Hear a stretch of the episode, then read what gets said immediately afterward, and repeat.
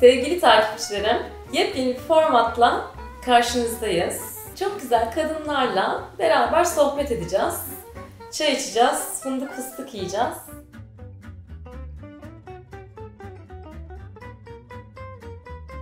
Merhabalar, ben Nadia Salur.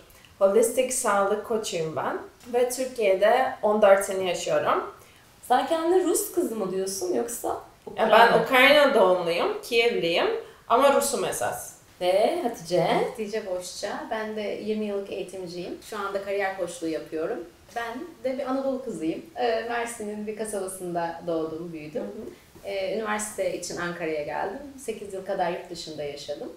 Ee, Ben de Türkiye'de yabancı olmak değil ama yabancı ülkelerde Türk olmayı deneyimledim. Evet, mi? Amerika, Avrupa ve e, Orta Doğu var bu bölgeler arasında. Bir de çok farklı bölgelerde. Farklı farklı bölgelerde deneyimledim Ee, ve bir sürü kadın hikayeleri derledim. Genel ortak gördüğüm şey yani kadınlıkla annelik e, çok eş kimlik olarak görülüyor. Yani Hmm. erkek erkek. Baba onun bir rolü olarak algılanıyor. Yani erkeğin yapacağı hayatta bir sürü şey var. Ama kadın anne olduktan sonra sadece anne. Yani onun Şimdi ikimiz de anne olmadığımız için evet belki bunları o kadar... e, size belki yakın gelmeyebilir. Sana peki Ben Anne anneyim. bir dakika diyorsun. Evet. evet yani ben esas anne oldum 20 yaşındayken. Çünkü benim eşimin iki çocuğu var ve e, bizde de yaşadılar onlar bayağı. Onun için ve bir de biz 9 çocuğuz zaten benim ailemde ve ben ikinciyim. Onun için ben bayağı çocuğa baktım. Ama e, senin bahsettiğin şeyi çok iyi anlıyorum. Çünkü benim annemde de 9 çocuk olduğu için. Bizde hiç normal bir şey değil. Yani belki Anadolu'da çok normal olabilir. Çünkü biliyorum, duydum yani. Ee, büyük aileler normal. Bizde normal bir şey değil. Hatta annemin e, bir tane e, şey var. Mother Hero diye bilinen bir şey var. Yani e, hero ne oluyor? Türkçesi Kahraman. kahraman. Yani kahraman Anne e, kahraman. şey. Aynen. Kahraman anne. Tabii tabii öyle bir şey var yani çok çocuk doğurunca mesela e, 6 çocuktan sonra galiba öyle bir Ha, şey kahraman alıyorlar. anneye- Evet aynen öyle. Şeyi alıyorsun. Evet alıyorlar yani böyle enteresan. Ee, onun için çok iyi anlıyorum. Çünkü benim annem de çok baskı yaşadı zaten babaannemin Neden tarafından. Evet. Niye bu kadar çocuk yapıyorsun? Kim onlara bakacak? Aa. Ne olacak? Yani kadın bedeni sanki böyle üzerinde serbestçe konuşulacak bir meta gibi. Evet. Anladın mı? Yani senin Evet. şimdi çocuk yapıp yapmamak bayağı bedeninle ilgili Evet ama Çok özel bir şey. Özel, çok, özel. Çok özel bir şey. çok özel. ve ben sana diyorum ki hani o kadar karnında hani taşı taşımayla ilgili şeyler söylüyorum. Evet. Evet.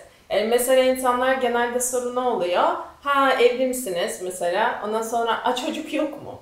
Gibi. Aa yapmayacak mısın? Bu şey gibi birazcık belki çok özel bir özel Evet, soru. özel. Ben sana yarın aslında. bir şey gibi. E, karşılanan pek çok şeyin içerdiği bir soru aslında. Evet. Çok çok özel bir soru. Şey gibi sen yarın don giyecek misin? Mesela. Ne renk? Evet, Evet. ne renk? Donu. Senin donun ne rengi var mesela? Evet. Yani bu çok özel bir soru soracak diye bir şey değil. Ve ben bazı insanlara, ben genelde zaten şakayla e, cevap veriyorum. Ama esasında insanların anlaması gerekiyor. Bir çizgi var. Ve o çizginin dışına çıkmamalı esasında. Bu soruları da sorarken zaten insanlarda şöyle bir şey var. Tavsiye vermek böyle bedava gibi bir şey ya. Herkeste tavsiye var. Herkeste var. Evet. Bir cebinde, diğer cebinde. Herkeste Evet. var. Ben de mesela diyorum ki tavsiyen çok güzel. Kendi hayatına uygulansan ne güzel olur. O da güzelmiş. çok güzel. Küçüklüğümden beri benim esasında e, ilk ben ikinci çocuğum. Ablam var benim. Bir de benden sonra bir yaş küçük bir erkek kardeşim var. Esasında çok sevdiğim bir erkek kardeşim ama onu da çok dövüyordum ben. Daha çok dövüşüyorduk esasında. Evde hiç böyle camlar falan kalmamış. böyle cam kapılar vesaire. Ve hiçbir zaman ben esasında kızlarla kavga etmedim. Daha çok kızları koruma erkeklere karşı. Erkekleri dövüyordum. Hatta onlar sonra anneme gidip eve e, okuldan sonra ben yokken ve lütfen Nadia bizi dövmesin, e, bir şey yapın böyle toplayıp grup olarak Annem böyle kendini tutmaya çalışarak gülmemek için vesaire beni sonra çünkü mesela Nadia böyle ciddi ciddi konuşmaya çalışıyor. İşte Nadia geldi senin sınıf arkadaşların. böyle böyle dövüyormuşsun falan. Ama böyle yapıyor, dövüyormuşsun. tamam mı? Kendini tutamıyor yani. Ee, Ben ilk sınıfa gittiğimi hatırlıyorum. Okulu değiştirdim. Diye 8 veya 9 yaşındaydım. Yeni sınıfa geldim. Ve annem böyle elbise giydirdi. Ben çünkü elbiselerden nefret eden Bunu bir daha yapsana. Elbise. Elbise. Elbise. Çok mutsuz. Çok mutsuz olduğu belli.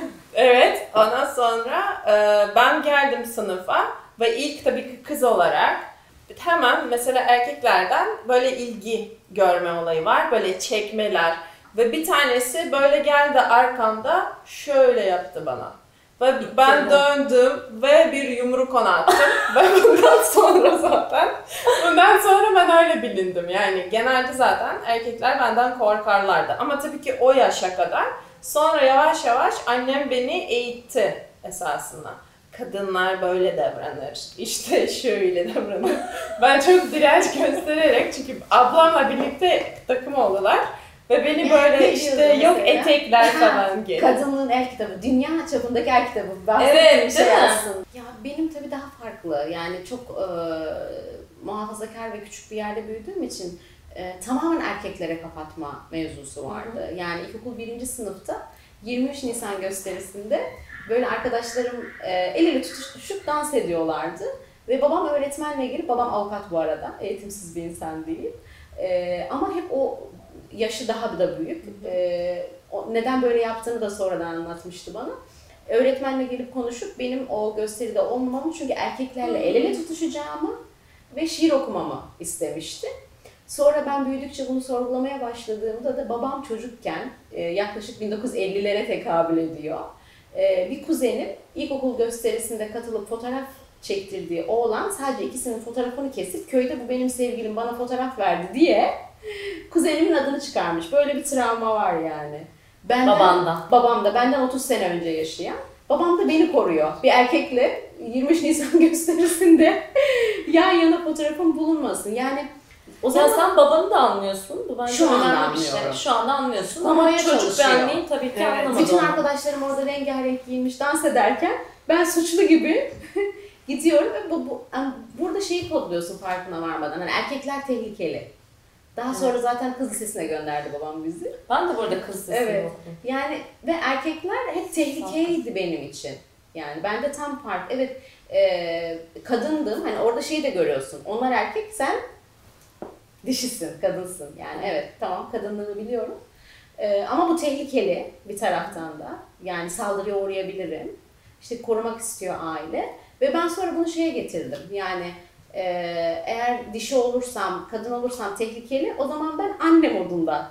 İnan ki ben ortaokulda okurken bile e, benden küçük olanlar bana abla derdi. Çünkü öyle bir tavrım var. Yani ben abla, anne modunda olursam zarar görmem. Çünkü yapmak istediklerim var. Okumak istiyorum. E, babam tarafında okuyanlar var ama annem tarafında üniversiteye giden ilk kızım. Okumak istiyorum, dünyayı değiştirmek istiyorum, entelektüel şeyler yapmak istiyorum. Eğer dişil olursam okutmazlar. Şehir Anne dışına göndermezler. o anne rolünden rolünde hayata hayata davranırsam korurum, yaparım. Ve bu uzun süre devam etti. Yani hep e, abim benden 3 yaş büyük, hep beni abimden büyük sandılar. E, abime karşı koruma kollama, tüm aileye karşı koruma kollama. Çünkü benim için tek güvenli alan buydu. İstediklerimi kendimi gerçekleştirmek. Eylül Beril'den Afrodite'de yazdığım zaten Evet. kocaman bir bölüm var bu arada. Evet. İçimizdeki Evet. anne diye. Evet. Şimdi içimizdeki anne e, arketipi ya da rolü Evet. dersek belki daha rahat anlaşılır. O rol birçok kadında benim gördüğüm dominant bir rol. Evet. Ve Afrodit rolünün ya da devrimci rolünün yani o devrimci role de ihtiyacımız var. Yani biz bir sürü rol olabiliriz Evet. ama bazı rollerimiz daha baskın olduğunda Evet. İçimizdeki anne oluyoruz gibi aslında. Yani sonra baktığımda bir sürü benim yeteneklerim var, yönlerim var. Hepsinden beslendiğim taraf var. Ve o yüzden şu anda annelerle çalışmak benim için çok anlamlı. Benimle aynı hikayesi olan annelere sadece anne değilsin. Yani sen bir kadınsın, eşsin, yani yazarsın, çizersin, şarkı söylersin ve o kadar çok ben kendimden vazgeçtim. Daha sonra bu e, e, rol olan annelik gerçek anneliğimle iyice pekişti. Ee, ve anneyim şunu yapamam, anneyim bunu yapamam kendi çocuğum olduktan sonra da ve çok genç anne oldum, 24 yaşındayım. Ama hep bu vardı yani e, ve bunu şu anda çalıştığım annelerde de görüyorum. Soruyorum işte mesela en son ne zaman kendin için bir şey yaptın, keyif aldığın yok, aklına gelmiyor. Lise yıllarına gidiyor, 10-15 sene önceye gidiyor ki kendisi için bir şey yapmış. Ya şimdi öyle bir şey ki ben mesela çocuk sahibi olmamayı seçtim. Evet. Ama çocuk sahibi olmamın arkasında da bayağı bir şeyin aslında yattığını görüyorum. Ben de en büyük Evet.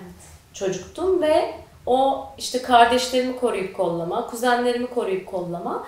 Yani o kadar o koruyup kollama rolü bana ağır geldi ki çocukken. Kendi çocuklarımın annesi olmayı da Evet. istemedim. Yani Evet. öyle bir sorumluluk almayı istemedim. Evet. O yüzden annelerde de var. Yani bu Tabii anne ki. arketipinin Evet. bayağı büyük olması.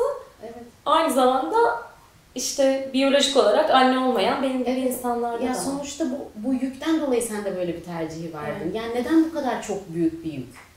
Yani işte ben yurt dışındayken de e, insanları görünce hani Fransa'da e, kalmıştık bir süre. Orada e, hani mesela bize diyorlar ya işte Avrupalılar çocuk yapmıyor. Hayır. İstediği an yapıyor ve onun için o fedakarlığı, vericiliği yapabileceği an yapıyor. Peki şeyi soracağım şimdi benim mesela içimdeki annenin e, törpülenmesi bayağı kendi özel hayatımda artık o giderek erilleşmişim ben.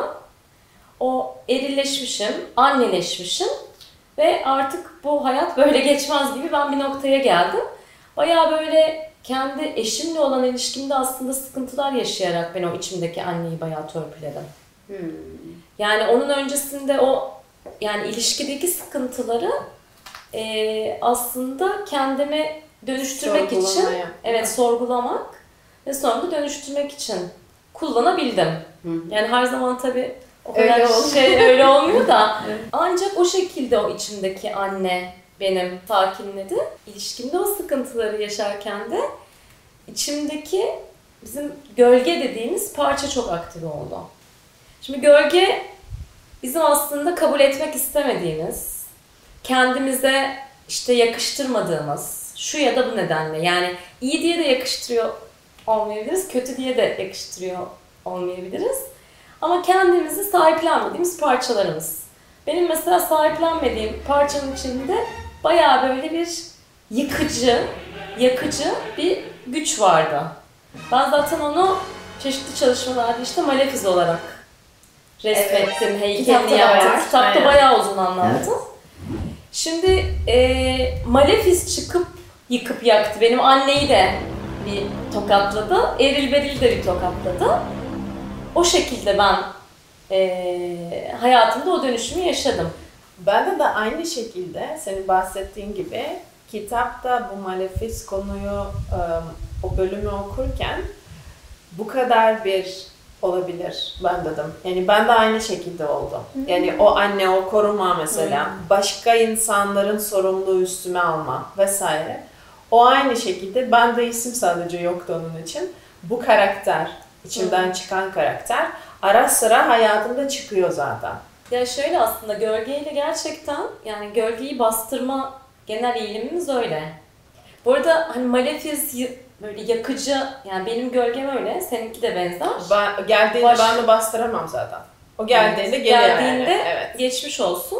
Evet. Yani gölge nasıl oluyor? Benim kitapta da bahsettiğim aslında bir danışan hikayesi var. Mesela onun gölgesi 13-14 yaşında bir ergen. Ve hani danışan diyor ki ben böyle bir hayatım var, şöyle bir hayatım var falan derken ergen de "Hı hı, konuş konuşsan ta- şey oluyor, iyi oluyor falan diye dalga geçiyor. Çünkü sen gölgeni aslında bastıramazsın ve kitapta anlattığım gibi gölge çok çeşitli şekillerde kendini gösteriyor. Yani evliyken bir başkasıyla ilişki yaşamak şeklinde kendini gösteriyor.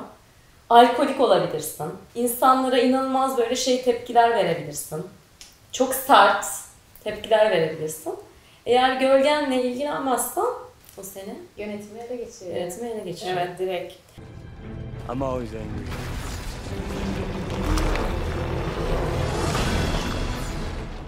Peki küçük bir şey yapalım mı? Hadi yapalım. Şimdi şey e, bu hani gölge bizim kabul etmek istemediğimiz parçalar diye konuştuk ya. Evet. Şimdi kitapta bayağı böyle bir duygu listesi var. O duygu listesinden şöyle küçük bir tane şey yapalım. Hangi duyguları e, tabii ki konforsuz duyguları seçeceğiz. Tabii ki. Burada konforlu duyguyu da aslında yaşamaya izin Evet. vermiyor olabiliriz. Sadece hani konforsuz duygular gölgemizde olacak diye bir şey yok ama şey yapsak yani bu konforsuz duygulardan hangisini kendinize yakıştıramıyorsunuz? Bir baksana. Yakıştıramadığımız. Evet. Yakıştıramadığımız. Yok ya ben bu duyguyu hissetmem. Bakıyorum. ben herhalde hassas. Bu benim olayım. Hassas. Tabii ki ben bunu çalıştığım şey yani. Çalıştım. Ben her zaman bunu söylüyorum. Benim eşim benden kesin daha hassastır. Ve gerçekten öyledir yani. Mesela bir kedi, köpeği falan onu duyduğu o şefkati vesaire bende yok. Ama esasında var. Ama küçük yaşlarda o kadar kapatma üzerinde çalıştık ki yani özellikle bu e, sirkte çalışırken ben orada ağlamaya ağlayamazsın yani hiçbir öyle spor, profesyonel spor yaparken de o hassas olayı ben bayağı bastırmışım esasında. Esasında ben bayağı hassasım. Onu biliyorum ama bunu çalıştıktan sonra öğrendim bir şey. Bu duygu ben mesela bu malefiz geldiğinde mesela bayağı bana göstermişti. Gayet hassas olabiliyormuş. Gayet yani bayağı. Evet o duyguyu hissedebiliyormuşum. Sen buldun mu? Evet, aksi. aksi huysuz. Bende hep cici kız modu var ya. hep uyum göstermem lazım. İşte iyi. hiçbir Ya bir şey- şey diyeceğim öyle bir duygu var yani. Evet. Yazmışız. Yani ah, sanki böyle bir huysuz, hani her şeyde bahane bulan falan. Ve Ay. genelde de e, rahatsız olurum. Mesela işte restorana gittiğimizde yemeği beğenmesin, yanımdaki çayı beğenmesin, her şeyi bıdı Ah. bıdı etsin. Of derim bir daha gelmeyeceğim bununla falan. Hani kendim olmadığım gibi o tür insanlarla olmaktan da çok rahatsız oluyorum. sen çok güzel bir şeye değindin. Evet bayağı. Çünkü kendimizde görmediğimizde, yani kendimizde yaşamaya izin vermiyorsak bir duyguyu, Evet. bir başkası yaşıyorsa da Rahatsız edemiyoruz. aynen. Evet. Ben bu arada şu anda aksilik ve huysuzluğumun doruklarındayım. Böyle bir haftadır falan. Sanatçı Öyle kaprisi bir- mi? Sanatçı Aa, kaprisi. aa, evet, evet, sanatçı kaprisi. Ama kocama yapıyorum genelde. Kocalar duygularımızı taşımak için varlardır. İznimiz, iznimiz var mı hocam? Hı? Onlara kocalarımıza kapris yapmaya iznimiz var mı? Yani ben şöyle düşünüyorum. Onu da bayağı böyle şeylerde anlatıyorum. Yani bu kitapta o kadar anlatmıyorum çünkü bu kitaplar kendi dişiliğimizle ilgili. Ama videolarda da bu Afrodit 2 eğitiminde de bahsettiğim konu şu. Yani kadın duygularını yaşayacak. Erkek de o duyguları yaşamak için alan sağlayacak kadına. Yani kadın bir huysuzluk yaptığında erkek de ah, sen ne huysuz yapıyorsun falan diye o da Evet. dişiye bağlıyorsan o zaman ne kadın aslında dişi olabiliyor ne de erkek eril olabiliyor bu arada. Hani erkekler bunu yapmadıklarında da bizde yüz olmuyorlar. Evet. Benim söylediğim tatlı prensler oluyorlar duygusal. Sizden e, duyuyorum hocam. Ben de bu duygularımı yaşamaya izin veriyorum. Çünkü ben de işte huysuz kadın olmayayım. Ben sıradan kadın değilim modunda yaşadım senelerce. Kapris yapmayacağım falan. Siz böyle yazıyorsunuz hani erkek duygulara alan açmalı falan Bir şey diyeceğim. Bir, bir de ona örnek verir misiniz? Hani biraz önce dediniz ya kadın kapris yapıyor, erkek de huysuzluk yapma diyor. Olması gereken ne? Yani mesela ben öfkeliyim. Trafiğe öfkelendim yani. Ee, bağırıyorum, çağırıyorum. Ne yapacak erkek orada bana? Ya erkeğin yapması gereken şey aslında aşırı basit. Yani işte diyor ki canım benim, canım mı sıkıldı? Gel sana bir sarılayım. Mesela bunu gerçekten ama şefkatli bir yerden söylediğinde bir erkek olay bitiyor ki zaten. Hani Aynen. duygular böyle sonsuza kadar süren şeyler değil yani. Evet. Ha 10 dakika sonra tekrar huysuzluk yapmayacağız diye bir şey yok bu arada da. yani ama yine orada erkek orada durduğu zaman kadının aslında oradaki duygusu çok rahat dönüşebiliyor. Bu arada şeye de söyleyeyim ya kadınlara da aslında söyleyelim. Benimki öyle değil ki. Benimki asla böyle bir şey yapmaz falan filan gibi çok yorumlar geliyor ya hani Evet. Instagram'da, YouTube'da, eğitimlerde de geliyor. Şimdi o durum doğru değil aslında. Hani öğrenilmiş bir şey. Erkek onu tutmuyor. Erkeğe söyleyince tam aksine erkekler şimdi çözüm bularak yani biyolojilerinde şey var. Çözüm bulacak. O işte huysuzluğu çözdü ya. Sonra koltukları kabararak dolaşacak o erkek. Kahraman olacak, Kahraman olacak. Alkışları alacak. Ha, Ve buna izin erkek de- vermiyoruz aslında. Evet buna izin vermiyoruz biz. Evet. Her şeyi kendimiz çözelim. Sonra da üzerimize o yükleri aldığımız için de erkeğe karşı güceniklikler tabii ki Evet. e, gelişiyor. Evet. Ondan sonra beğenmiyoruz hayatımızdaki erkek. Bunu da söyleyeceğiz e, Gülencim. Hani mesela erkeğe bunu bunu yap demek de eril bir şey aslında. İşte ben huysuzlandığımda bana sarılacakmışsın. Gülen söyledi falan dediğinde de işe yaramıyor. Ama ilk öyle oluyor ya. Öyle mi olacak? İlk öyle yani ben de onu o şekilde yaptım. Bir sürü insan da onu öyle yapıyor. Yani bir de şöyle bir şey oluyor. Şimdi diyor ki ben söyledim ona ama o benim duygularımı tutmadı yapıyor. Şimdi orada sen daha dişil davranmadığın için adam tutmuyor. Yani Dişil huysuzluk nasıl olacak hocam? Biz de senelerdir yapmamışız. Nasıl yapacağız? aslında şey bir video yapıp Aykut'la bir video dişil huysuzluğu anlatsın. Yaşayanın gözünden dişil huysuzluk nasıl olur diye. Böyle şeydeki mesela e, sen de sordun ya nasıl olacak bu erkeklere nasıl anlayacaklar. Ben mesela ben mesela örnek vereyim kendimden. Ben mesela kendi eşime an, şey böyle bir karşıma oturttum ve dedim ki bak böyle böyle yaptığında böyle böyle yapacaksan her şey çok kolay olacak tamam mı? Sana çözümleri anlatayım. ve o esasında onları yapmaya başladı. Ve eğer e, diyelim ki biz dışarıda bir yerdeyiz ve ben bir şey anlatıyorsam veya bir şeyler oluyorsa mesela ve bir erkek diyor, niye böyle davranıyorsun ki? Cem diyor ki aa sen hiçbir şey bilmiyorsun. sen otur ve sus. Sen otur ve sus ben sana her şeyi anlatayım mesela. O bayağı uyguluyor. her zaman değil tabii ki ama mesela biz bayağı bir de ee, birazcık biz buna oyun gibi yaptık esasında. Oyuna çevirdik. Ve ben esasında ilk baştan çünkü ben esasında bu şekilde yapmıyordum yani senin gibi. Ben de yok işte kadın işte böyle yok bunu istiyorum yok şunu istiyorum. Ben aşırı şey oluyordum yani bu ne ya falan. Ben sinirlendiriyorum yani bu ne ya gerçekten. Ama sonra anlıyorsun ki esasında kendine izin vermiyorsundur. Yani Tabii sen de ki, istiyorsun. Tabii ki çünkü. kötü olmak istemiyorum. İşte iyi, iyi Ama olayım. işte algı çünkü Tabii kötü ki. esasında. Tabii ki. O algı şimdi erkekler mesela eskiden bir erkek derdi ki işte kadınlar dengesiz işte böyle ben mesela eskiden yok ya biz dengesiz değiliz çok dengeli falan. ya ben de çok bunu çok dengeliyim. yapardım. Biz dengeliyiz. Evet. Biz rasyoneliz falan. Aynen öyle. Bu arada yani kurumsal hayatta çalışmak için de yani orada sen iki duygunu belli ettiğinde ah bu işte Evet evet evet. Muayyen Aynen. günün mü yakın? muayyen Aynen. günün falanı Gibi. yememek için o lafları Evet. böyle bir kendine şey kimlik geliştiriyorsun. Evet. Ama Koruyorsun işte gibi bastır esasında. bastır. Ama ben mesela şimdi birisi bana öyle bir şey söyledin. Ay işte kadınlar dengesiz. Evet. Dengesiz. Dengesiz. Sen de dengesiziz. Sen de, Dengesiz sen de öğreneceksin yani. ilan Sen de ediyoruz. nasıl davranacağını öğreneceksin yani. O da Evet. senin işin. Çünkü bu sefer dengesiz değil tek düze olduğumuzda sıkıcı oluyoruz aslında. Bu sefer de adam sıkılıyor değil mi? Yani aslında o kadının o dengesizliği hayata hareket katmıyor mu? Çünkü Ay, kesinlikle. Evet. Değil mi? Öyle Zaten şey. şey yani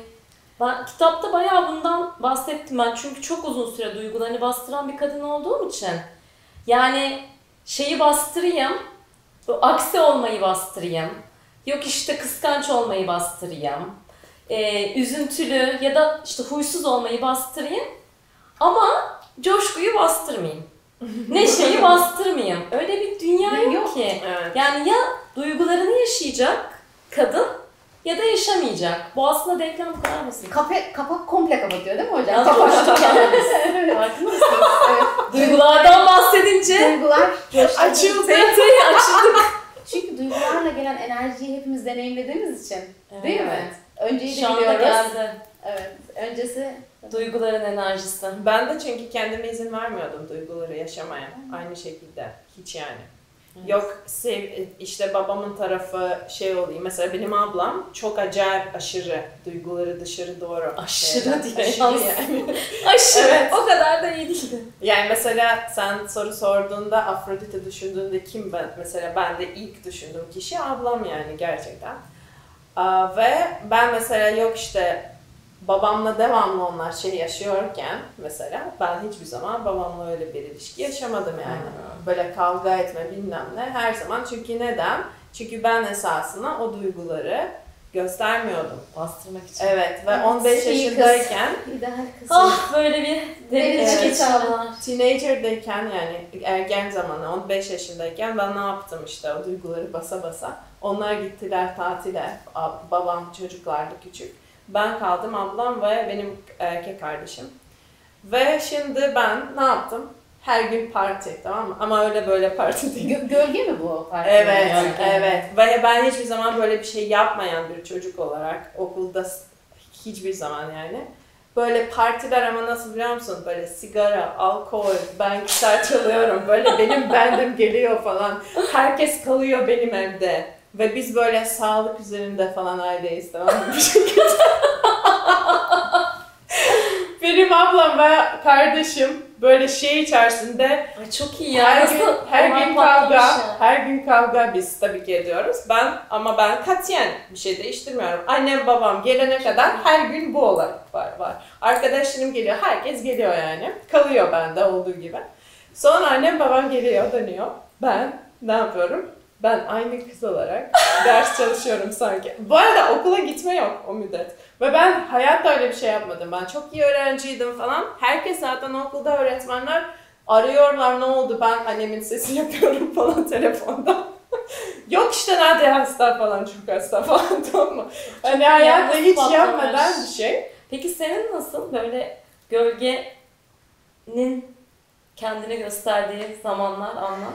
Yani benim de Zeyna'ydı herhalde. Gölge karakterim. Güçlü kadın. Zeyna. o Zeyna.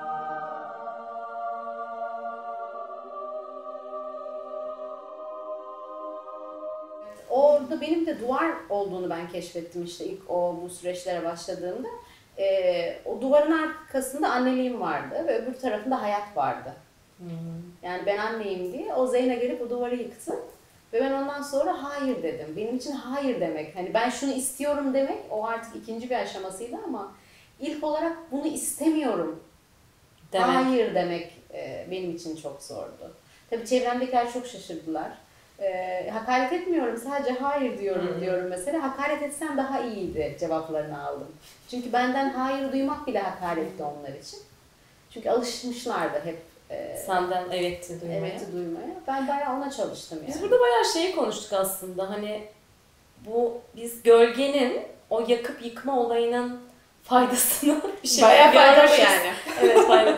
Ama yaşarken öyle olmuyor tabii. Yaşarken o Çok şekilde zorlanıyorsun. Yok. Çok Evet, çok tabii. Hiç komik değil yani. Yani bir de bir anda ol- olan şeyler değil mesela. Hani ben evet koçluk aldım, bir sürü eğitimleri aldım ama eğitim almadan önce mesela hani böyle hayatta mentorlar oluyor ya filmden bir cümle, kitaptan bir cümle. Evet. Mesela Elif Şafa, Şafak'ın e, Aşk kitabında şöyle bir cümle vardı. Hayatın alt üst olmasından korkma. Altının üstünden daha kötü olduğunu nereden biliyorsun? Mesela bu belki o gölgeye cesaret veriyor. Evet alt üstte olsun Evet. bakalım, bir yıkalım bakalım. O çok Evet. zorlandığımız Evet. anlardan aslında eee, bunu hatırlamakta fayda var. Yani yaşadığın o zorluklar seni büyütmek için. Şimdi şöyle bir şey yapalım mı? Yavaş yavaş kapatalım programı. Evet. Değil mi? Evet. Çok konuştuk. Kitaptan bir sayfa açacağım. Ve oradan sizin hayatınızla ilgili bir şey soracağım. Okay. Çok zor olmasın. Ha? Çok zor olmasın. Hadi Hatice. Buradan sen dur de bana. Tamam. Dur. Kendine not. Ama o şey yapacağım. Ve sen her gün aşk olduğunda, her gün aşkın kendisi olduğunda o zaman sana çekilecek dünya. Yok bunu beklediğin için değil, tam da beklemeye artık gerek duymadığın için. Senin ışığına, senin parıltına ve senin aşkına çekilecek kadınlar, çocuklar ve erkekler. Sen aşk yapmaya, aşk olmaya davetlisin. Ne dersin? içinde nicedir bekleyen o aşkı çıkarmak için kendine izin verebilir misin? Aa, tüylerim diken diken oldu. Biz, ben edebiyat mezunuyum biliyorsun. Zaten e, okurken de hep böyle bütün edebiyat aşk üzerine büyük oranda. İşte divan edebiyatı falan. Bizim şiirdir asıl edebiyatımız. Evet. Hep böyle aşk gerçekte var mı? Bunları sorgulayarak okuyorsun bu adamlara ne yazdırdı bu falan. Onları sorgulayarak büyüdüm ama şimdi deneyimliyorum. Yani bunları fark ettikten sonra deneyimliyorum aşk olmak. Ee, benim e, şey iç sesim hani ona bir şey veriyorduk ya. e, aşk veren bir dervişti. Ama bunu diyordum hani ben şey anlamında değil işte. yine İçindeki bilge ses. bilge gibi. ses Hı hı. gibi. Ee, tam oturtamadım falan. Hani bu dedim hani sadece cinsellik anlamında bir aşk ya da karşı cinse duyulan bir aşk değil. Sonra fark ettim ki aslında bu hayatın içindeki aşk. Aşk. Tutku, ne yaparsan yap aşk ile yap. Dedim bu benim yaşam amacım aslında. Ee, ve şu anda o kadar böyle bana Oraya şey, gittin oraya sen, gittim. sana bunları çağrıştırdı. Bunu çağrıştırdı. Yani şey e, bir de Huzuli'nin beyti var. Sende de yine paylaşmıştım. Aşk imiş her ne varsa alemde, ilim bir kıyluk halimiş ancak diye. Onu biraz daha Ee, Türkçesinde söylesene. Ee, hayatta ne varsa sadece aşktır, ilim bir dedikodudan ibarettir diyor Huzuri. Evet. Evet. Öyle çünkü aşk zaten, aşkın kendisi Döndürüyor. hayatta. Evet. Hayatı döndüren, Döndüren şey o. Sana neler çağrıştırdı bu? Bununla ilgili yine de sen de okurken aynı şekilde esasında hayata bağlı bir aşk, bir insana değil. Ee, Hatta e, belki kendinle olan bir aşk, kendinle bir parçası yani kendine en iyi bir arkadaş olma ve esasında kendine aşık olma. Bu bir ego olayı değil esasında. Bu gerçekte kendini sevmek, kendine aşık olmak ve o her sabah uyandığında onu hissetmektir. Çok başka bir şey bu. O zaman sen hiçbir zaman ne yalnız hissedersin ne başkasından bir aşk veya sevgi veya ilgi isteyeceksin. Çünkü zaten sen onu yansıtıyorsundur ve o zaten sana da geliyor aynı Evet, sana da şekilde. geliyor. Yani benim kitapta bayağı anlatmaya çalıştığım şey aslında bu. Yani o aşkı, o sevgiyi dışarıda aradığımızda kendi içimizde aslında onu Evet. nasıl üretebileceğimizden vazgeçiyoruz. Halbuki çelişkisel olarak, paradoks olarak da sen onu ürettiğinde insanlar sana çekiliyorlar. Evet. Yani o parıltıya, o aşkın parıltısına herkes çekiliyor. Çocuklar da çekiliyor. evet. Aynen. Evet. O zaman bitirelim mi programımızı? Bitirelim efendim o zaman. Sevgili Nadia, sevgili Hatice. İyi ki geldiniz. İyi ki çağırdın. Evet, ki. çok güzeldi. keyifliydi. Programı sizinle yaptık. Çok öpüyorum ikinizi de. Evet. Teşekkür ediyorum. Teşekkürler. Aşk olsun. o zaman aşk olsun hayatım. Her zaman olsun.